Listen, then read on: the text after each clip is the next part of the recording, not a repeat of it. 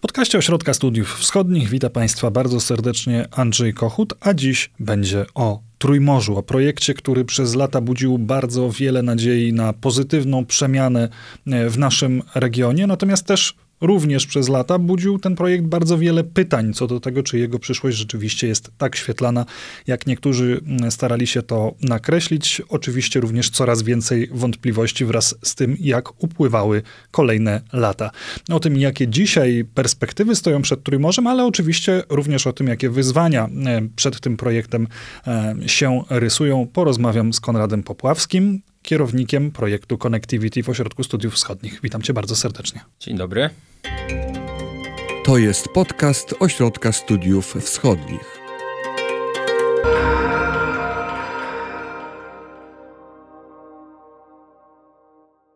Często, kiedy myślimy o Trójmorzu, myślimy o projekcie, który miał na różne sposoby, również w wymiarze infrastrukturalnym, połączyć państwa naszego regionu od państw bałtyckich aż hen gdzieś po Bułgarię i Chorwację na południu.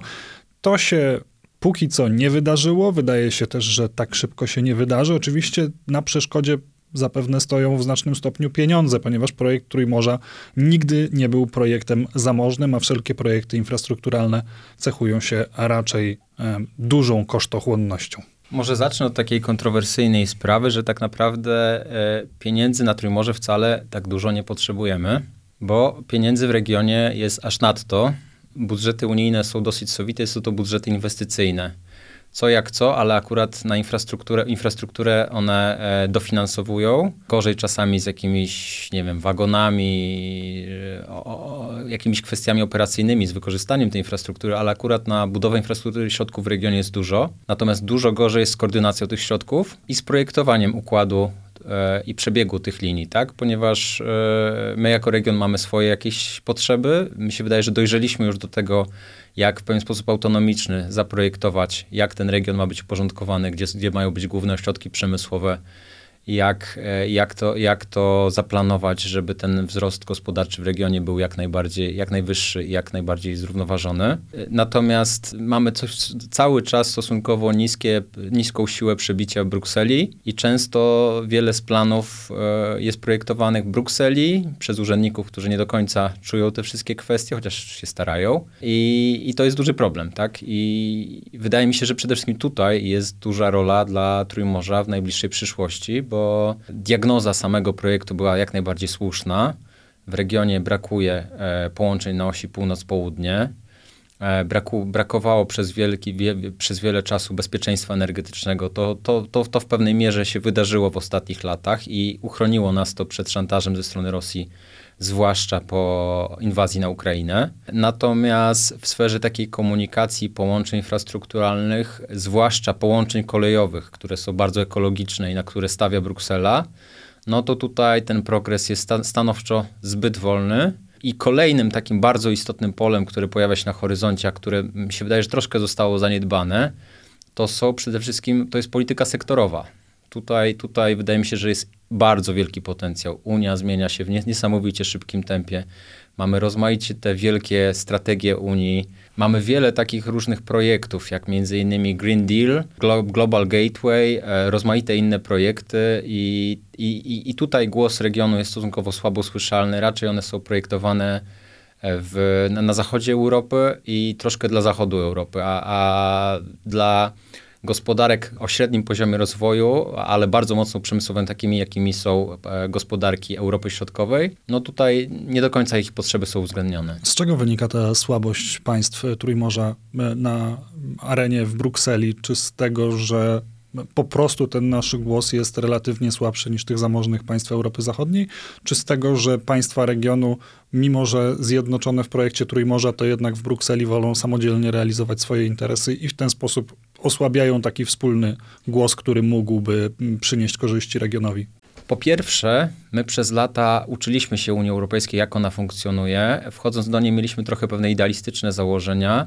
Nie zdawaliśmy, nie, nie zdawaliśmy sobie do końca sprawy, jak konkurencyjna jest to wspólnota, jak e, twardo trzeba czasami walczyć o własne interesy. I w, w, tym momencie, obecnie, kiedy wydaje mi się, że ta świadomość wyraźnie wzrosła, to brakuje nam odpowiednich instytucji, które pozwalałyby koordynować tę politykę. Brakuje nam odpowiednich grup roboczych, bo proces legislacji unijnej, trzeba na niego wpływać na bardzo wczesnym etapie, od razu jak się pojawia idea, a my bardzo często e, próbujemy mm, hamować te posunięcia w tym momencie, kiedy już jakiś konsensus jest utarty i w zasadzie pozostaje nam tylko honorowe weto, bo już 25 państw na przykład jest za jakimś rozwiązaniem, być może dwa jakieś są przeciwne.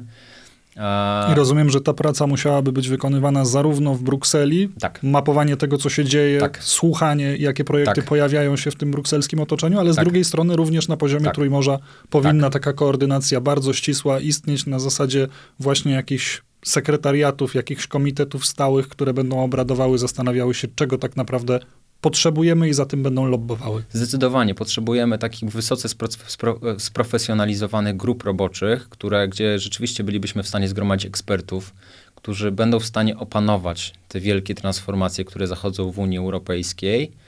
E, dostarczyć też pewnej wiedzy analitycznej, bo to też trzeba przyznać, że nie wszystkie kraje mają ten sam potencjał. Niektóre mniejsze kraje, one tak jak my mamy wiele instytucji analizujących pewne problemy, czas, w niektórych krajach jest to jedna osoba, więc czasami one po prostu... Czyli z perspektywy mniejszych państw Trójmorza taki układ byłby wręcz bardzo korzystny, bo tak, szukając tak, takich dobrych tak. dla regionu rozwiązań mogłyby się posiłkować ja siłami eksperckimi ja wielokrotnie, większych państw. E, rozmawiając z ekspertami z Europy Środkowej, oni bardzo zwracali uwagę, że na przykład w formacie wyszehradzkim dla nich bardzo dużym bardzo dużą korzyścią było to, że Polska dzieliła się z wiedzą na temat przebiegu negocjacji unijnych w różnych kwestiach, bo oni twierdzili, że Polska ma dużo większą zakres wiedzy, dużo większe dojścia, uczestniczy w dużo większych ilościach forów. Oni aż takiego potencjału nie mają i dla nich ta wiedza była bardzo cenna i pozwalała im lepiej rozeznać ich własny interes narodowy. No dobrze, rozumiem, że Bruksela to jest jeden, jedno z miejsc, gdzie Trójmorze powinno być dużo bardziej aktywne. Co ze Stanami Zjednoczonymi? To był można powiedzieć, motor rozwoju tego formatu na samym jego początku. Tu też wydaje mi się, że e, polityka sektorowa e, bardziej na bardziej, polityka sektorowa na bardziej zaawansowanym poziomie w Trójmorzu byłaby w interesie Stanów Zjednoczonych, bo obecna zachodniocentryczna, w sensie zachodnioeuropejsko-centryczna polityka, ona też e, pozostawia wiele do życzenia dla Stanów Zjednoczonych, zwłaszcza jeśli w kwestii otwartości na takie państwa jak Chiny, gdzie rzeczywiście czasami mam, mam wrażenie, że ta polityka jest totalnie bez takiego większego namysłu, tak? Przy, przy, przykład z ostatnich, z ostatnich miesięcy widzimy, że obecnie Chiny bardzo dynamicznie zwiększają eksport samochodów elektrycznych na rynek unijny.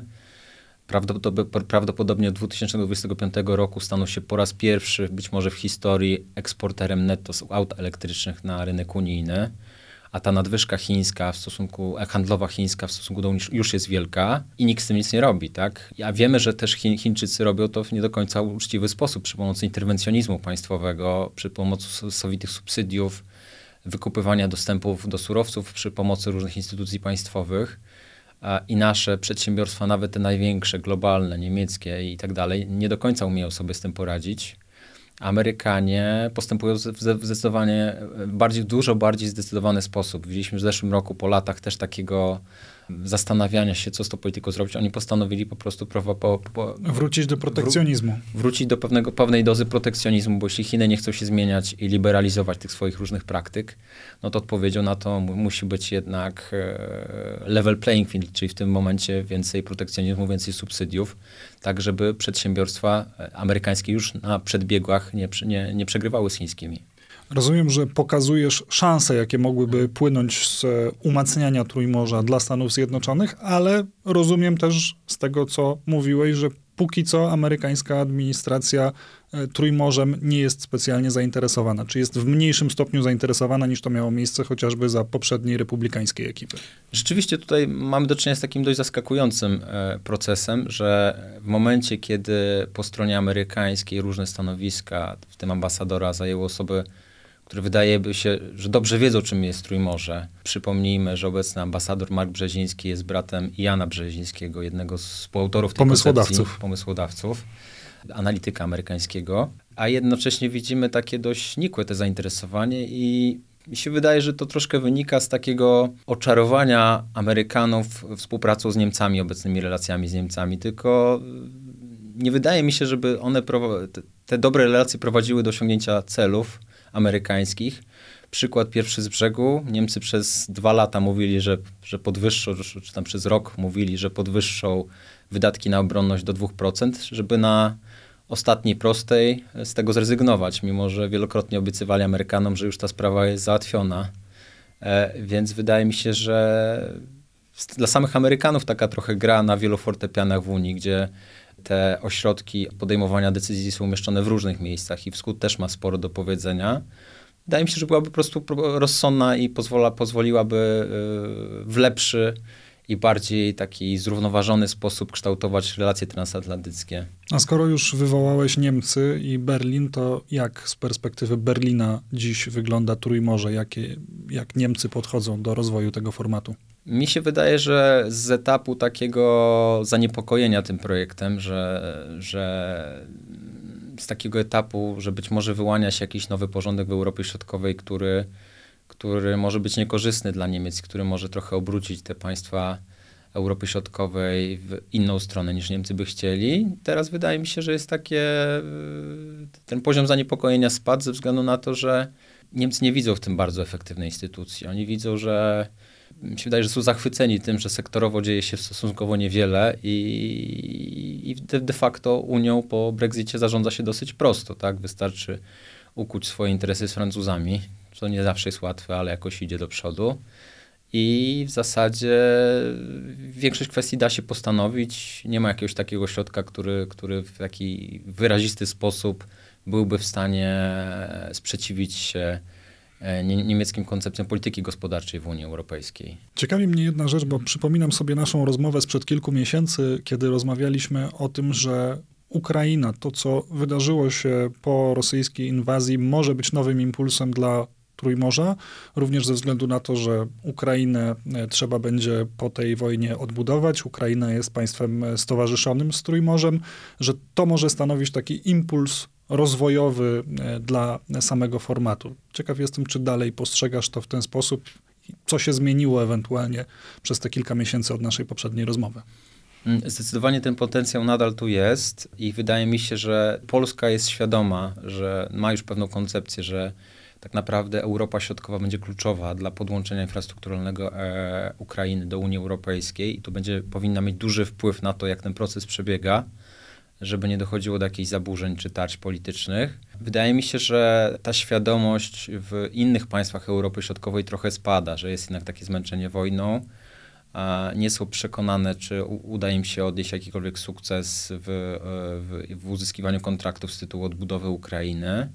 I tutaj e, wydaje mi się, że Trójmorze byłoby dobrą platformą, żeby skupić się na jakichś konkretnych interesach Zwłaszcza, że tu mogą e, być różne koncepcje, tak? Widzimy w tych sporach o zboże, że, że mogą następować rozbieżności między tym, jak, jak, jak e, wschód i zachód Europy, Unii Europejskiej widzą zbliżenie z Ukrainą, tak? Być może dla części państw uprzemysłowionych takie szybkie związanie handlowe Ukrainy z Unią Europejską jest korzystne, bo to obniża ceny żywności, ceny usług niektórych z punktu widzenia przemysłu zachodnioeuropejskiego może być bardzo korzystne, no ale Europa Środkowa tutaj mi się wydaje, że stoi na innym, na zupełnie innym e, biegunie, że w jej interesie jest, żeby Ukraina się zreformowała i stała się kolejnym członem tego środkowoeuropejskiego klastra przemysłowego, czyli, czyli żeby podjęła, nie, nie skupiała się na tych najłatwiejszych dziedzinach jedynie, i nie, nie, nie kultywowała tego surowcowego modelu gospodarki, który w zasadzie może doprowadzić tylko do odrodzenia oligarchii. Natomiast reformowała się w kierunku tych wyżej uprzemysłowionych sektorów. Yy, I żeby tutaj jednak wchodzenie i, i liberalizację handlu z Ukrainą oprzeć jednak na pewnych warunkach, tak? Żeby nie doszło też do tego, że wielu przedsiębiorców z Europy Środkowej, którzy poinwestowali w ostatnich latach w spełnianie bardzo wysokich standardów unijnych, nagle zostali narażeni na konkurencję z producentami ukraińskimi, którzy tych standardów w żadnym stopniu nie będą musieli spełniać. No, na, to, na to się niestety nie możemy zgodzić. I rozumiem, że również w tej sprawie Trójmorze mogłoby i wręcz powinno mówić jednym e, głosem. Zadam jeszcze takie pytanie bardziej generalne. Co powinno zrobić Trójmorze, żeby osiągnąć sukces? Ja wiem, że my na to pytanie odpowiadamy co kilka miesięcy, co kilka lat, wiele już koncepcji się przewinęło, ale mając już pewną wiedzę o tym, co się udawało, co się nie udawało niestety. Jak wyobrażałbyś sobie kształt tego formatu w przyszłości, tak byśmy mogli powiedzieć, że Trójmorze odniosło sukces? Jak miał odpowiedzieć jednym zdaniem, to uwierzyć w siebie. E, Bardzo... Że, że, że uwierzyć, uwierzyć, że taki format jest potrzebny i że państwa rzeczywiście, e, e, ich głos ma pewną wartość w Unii, tak? Że że one trochę in, inaczej widzą pewne zagrożenia i to ma swoją wartość, to pozwalało, poz, może, może pozwolić na ucieranie się w Unii dużo lepszych stanowisk, tak? Być może nie popełnianie pewnych błędów, tak, jak na przykład w polityce wobec Rosji, czy, czy, czy też być może nieidealizowanie pewnych y, aspektów gospodarczych, na przykład jak polityki klimatycznej, że nagle w cudowny sposób, jeśli będziemy pierwsi, to wszystko, wszystko zamieni się w, w złoto i będziemy tutaj liderami ekonomicznymi no tak łatwo to wszystko nie przebiegnie. To raczej będzie trudny proces, raczej związany z wysokimi kosztami, a nie korzyściami, które nagle nastąpią.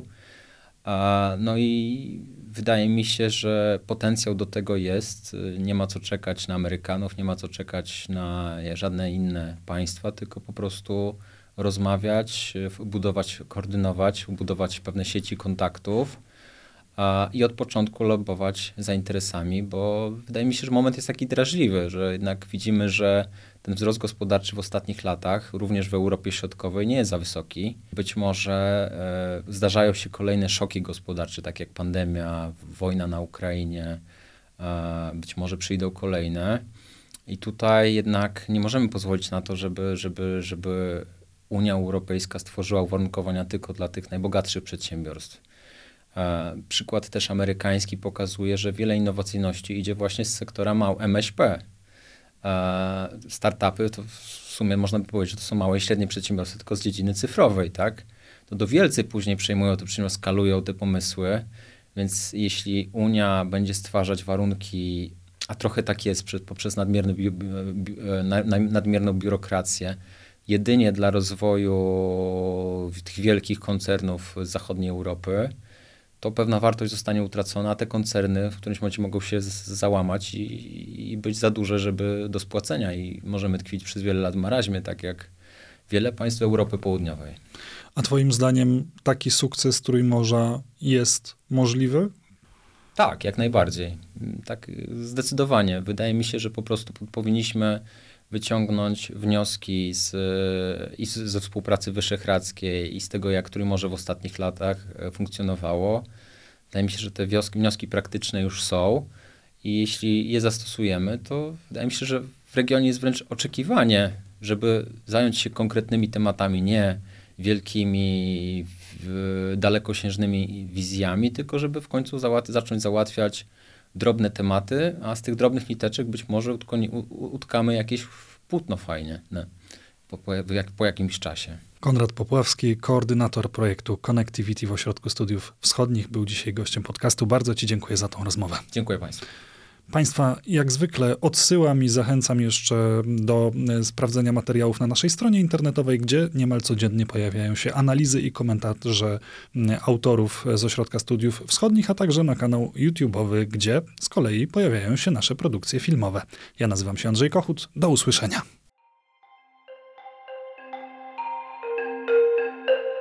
Wysłuchali Państwo podcastu Ośrodka Studiów Wschodnich. Więcej nagrań można znaleźć na stronie www.osw.waw.pl.